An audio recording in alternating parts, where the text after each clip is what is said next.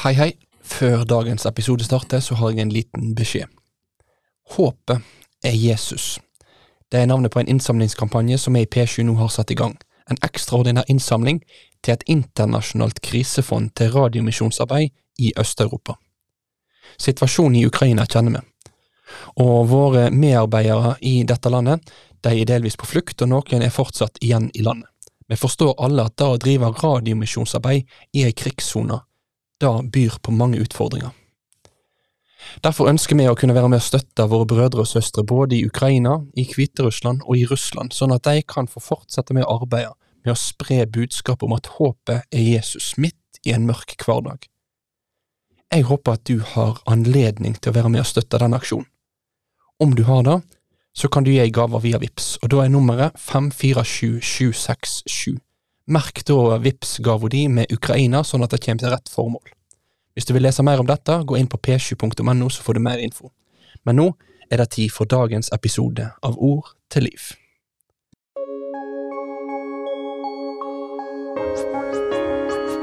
Velkommen til en ny episode av Ord til liv med meg, radio- og TV-pastor i P7, Ingvald Kårbø.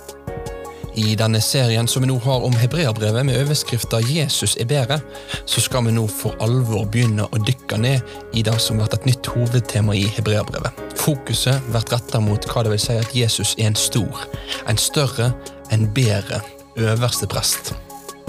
Ord til liv er en av podkastene og radioprogrammene som blir produsert av P7 Kristen Riksradioen. Og Hvis du ikke allerede har gjort det, så vil jeg anbefale deg å laste ned P7-appen. Da har du fått tilgang til store deler av vårt rikholdige programarkiv. Men nå er det tid for dagens episode om øverstepresten Jesus.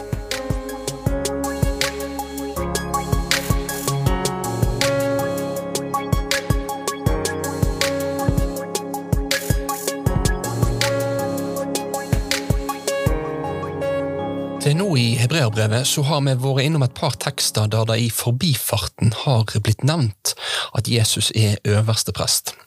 Og Forfatteren har gjennom dette, med sine små hint, nå forberedt oss på dette nye hovedavsnittet i boka. For nå skal hebreerbrevet begynne å utbrodere for oss mer nøye hva det vil si at Jesus er øverste prest for Guds folk. Hvis vi leser gjennom Det nye testamentet, så er det sånn at de ulike bøkene det er bøker som har litt ulike tituleringer av Jesus.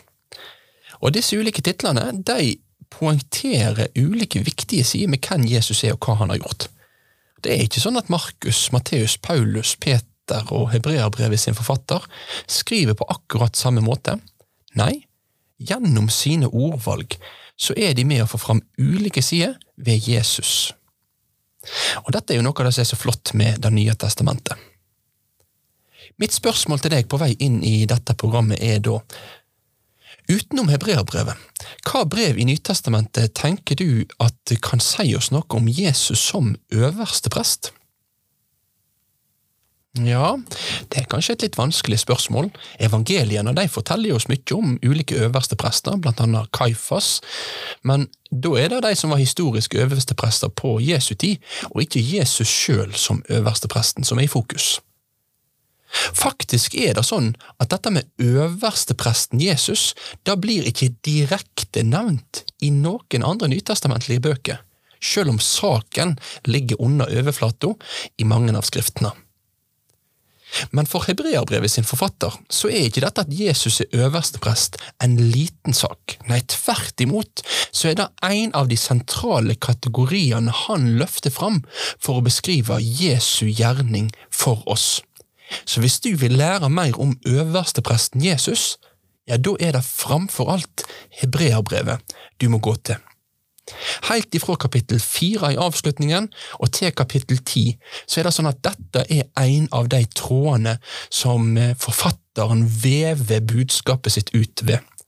Og Nå skal vi lese de første versene i kapittel fem, som viser oss noe av det helt grunnleggende med hva en øverste prest er, og hva det vil si for oss og vår forståelse av Jesus at han er vår øverste prest. En øversteprest blir alltid valgt ut blant mennesker og innsett til å gjøre tjeneste for mennesket framfor Gud. Han skal bære fram gåver og offer for synder.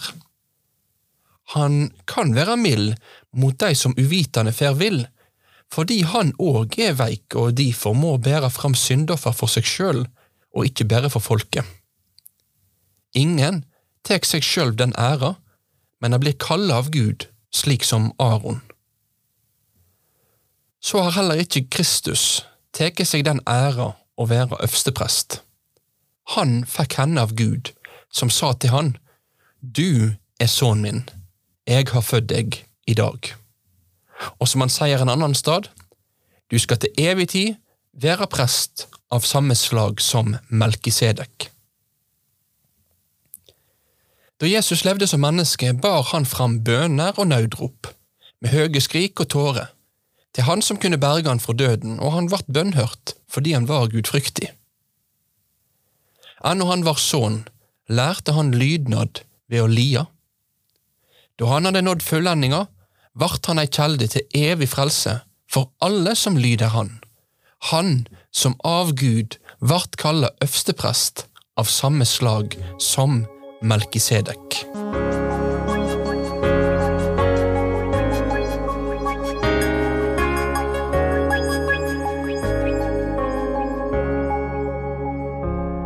Gjennom Det gamle testamentet så ser vi at øverstepresten hadde en helt sentral rolle i Israels folke sitt forhold til Herren. Det begynner etter utgangen fra Egypt. Herren har frelst de ut fra Egypt. Han leder de nå mot det lova landet, og han gjør det ganske tidlig når de kommer til Sinai-fjellet, da instruksjoner knytta til hvordan Guds bolig, eller tabernakle, skulle bygges. Og denne boligen, dette tabernaklet, da skulle de da ta med seg rundt omkring under vandring i ørkenen. I sin beskrivelse av tabernaklet så blir det òg gitt retningslinjer knytta til hvem som skal ha sin tjeneste der. Og det var da Aron og hans sønner som ble gitt det spesielle ansvaret med prestetjenesta. Og blant alle prestene i Israel så var det én prest som var øverste prest, og som skulle få en helt spesiell rolle. Denne spesielle rollen den ble framfor alt synlig i at det bare var øverste presten som en gang i året kunne gå inn i det aller helligste på den store soningsdagen for å stenke blod på nådestolen. Dette kommer til å komme litt tilbake til seinere i hebreerbrevet, men for nå skal vi merke oss det helt grunnleggende som denne teksten nå poengterer. For denne teksten begynner med å poengtere det helt grunnleggende sentrale i øverstepresten sin rolle. Og det at øverstepresten blir alltid valgt ut blant mennesker og gjør sitt tjeneste for mennesket framfor Gud. Dette understreker da at det skal være et grunnleggende slektskap mellom han som gjør prestetjenesten, og de som han tjente. Det var ikke en okse som var en øverste prest, nei, det var et menneske. For det måtte være sånn at presten, for å bli en representant av folket, òg måtte være en del av folket. Et menneske var den som måtte representere menneskeslekta framfor Gud. Og det er de siste ordene jeg vil at vi skal fortsette med å merke oss litt. Framfor Gud.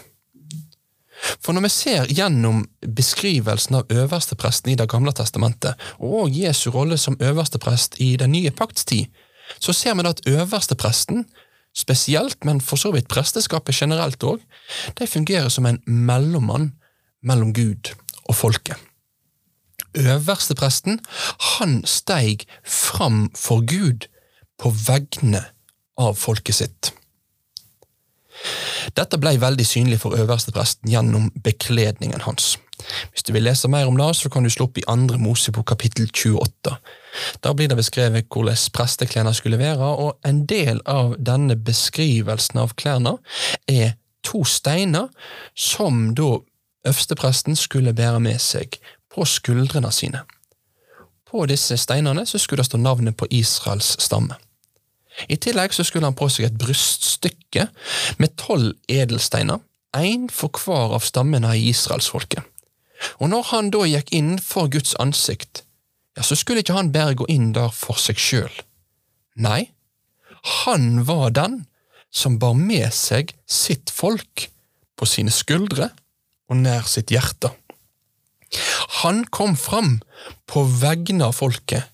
Han kom fram for å gjøre opp for folket og for å be for folket. Dette grunnleggende knytta til øverstepresten tjenester i Det gamle testamentet, med at et menneske som gjør tjenester for mennesket framfor Gud, ja, det er òg grunnleggende for å forstå Jesu øverste prestlige tjenester. Hans øverste prestlige tjenester for sitt folk i dag, det er tjenester for oss mennesker framfor Gud. Jesus blei menneske for å stige fram for Gud på våre vegne som vår representant, som vår bror, som ber oss med seg på sine skuldre og nær sitt hjerte. Dette håper jeg du kan ta med deg ifra dagens tekst som et første holdepunkt. Guds folk har en representant, en som har gjort og som fortsatt gjør si tjenester framfor Gud for sitt folk. Du har en øverste prest, en representant, en talsmann i Jesus Kristus. Men etter at hebreerbrevet har understreket dette grunnleggende poenget for oss, så går nå forfatteren videre for å understreke et annet viktig aspekt ved øversteprestene i Det gamle testamentet. Og det var jo da at øversteprestene de var jo som folk flest. Selv om de skulle være forbilde, så var de òg veike mennesker, som trengte å bære fram offer for sine egne synder. Og faktisk så er det jo sånn at på grunn av at de sjøl var veike, ja, så kunne de òg ha en mildhet overfor sitt folk, som de mar med seg, for de visste hva det vil si å være et menneske, og å være et menneske som faller, faller i synd. Det var jo da denne teksten fortalte oss noe om. Med dette så blir det synliggjort en likhet, og samtidig en forskjell, mellom øversteprestene i Det gamle testamentet og nå denne nye og store øverstepresten, Jesus. Likheten mellom øversteprestene i Den gamle pakts tid og Jesus som den endelige øverstepresten, likheten går på mildheten som øverstepresten hadde og skulle ha for sitt folk i deres fristelser. Men forskjellen det går på årsaken til denne mildheten og omsorgen. For de gammeltestamentlige øversteprestene de bygde denne mildheten på den erfaringen de hadde av egen synd og svakhet som menneske. Men for Jesus så hviler hans omsorg for oss ikke med hans erfaring med egen svakhet og synd, men hans erfaring med vår svakhet og synd, for det var jo den som førte han til døden.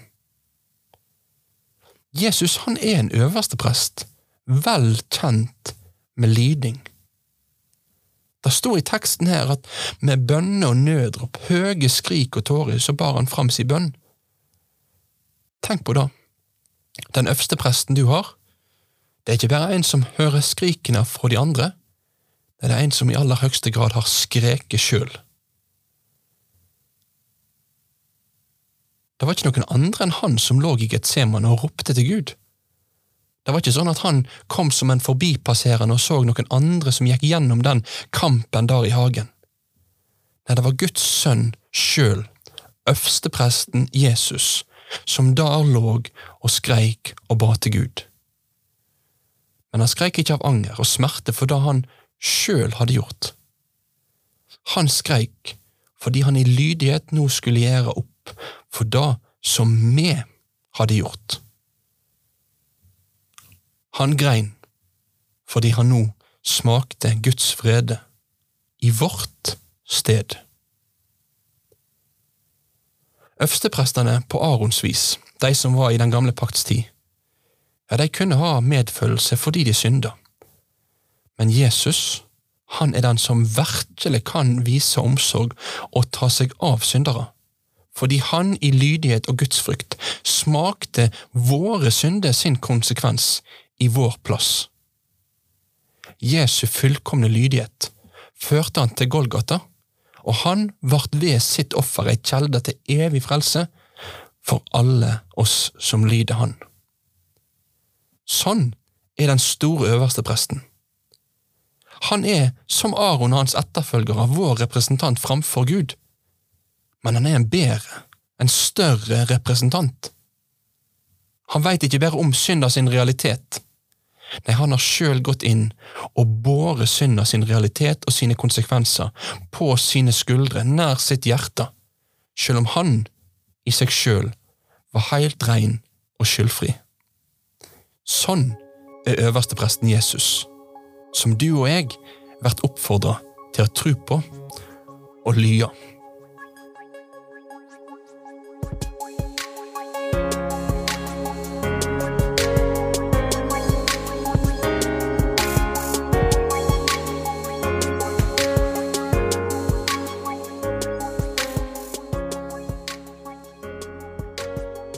Da vil jeg si tusen takk for at du fikk med deg denne episoden om øverstepresten Jesus.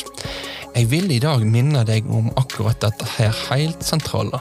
At Guds folk har en representant, en som har gjort og som fortsatt gjør sin tjeneste framfor Gud for sitt folk. Og denne øverstepresten, han er ingen liten øversteprest. Han er den store. Han er den bedre øverstepresten. Han er den beste representanten du kunne få for han er den som har gjort opp for deg og for meg. Jeg håper du har satt pris på dette programmet av Ord til liv, og så kommer jeg snart tilbake med en ny episode i denne serien. Inntil da vil jeg ønske Herrens rike velsignelse over deg og ditt liv. Ha en god dag.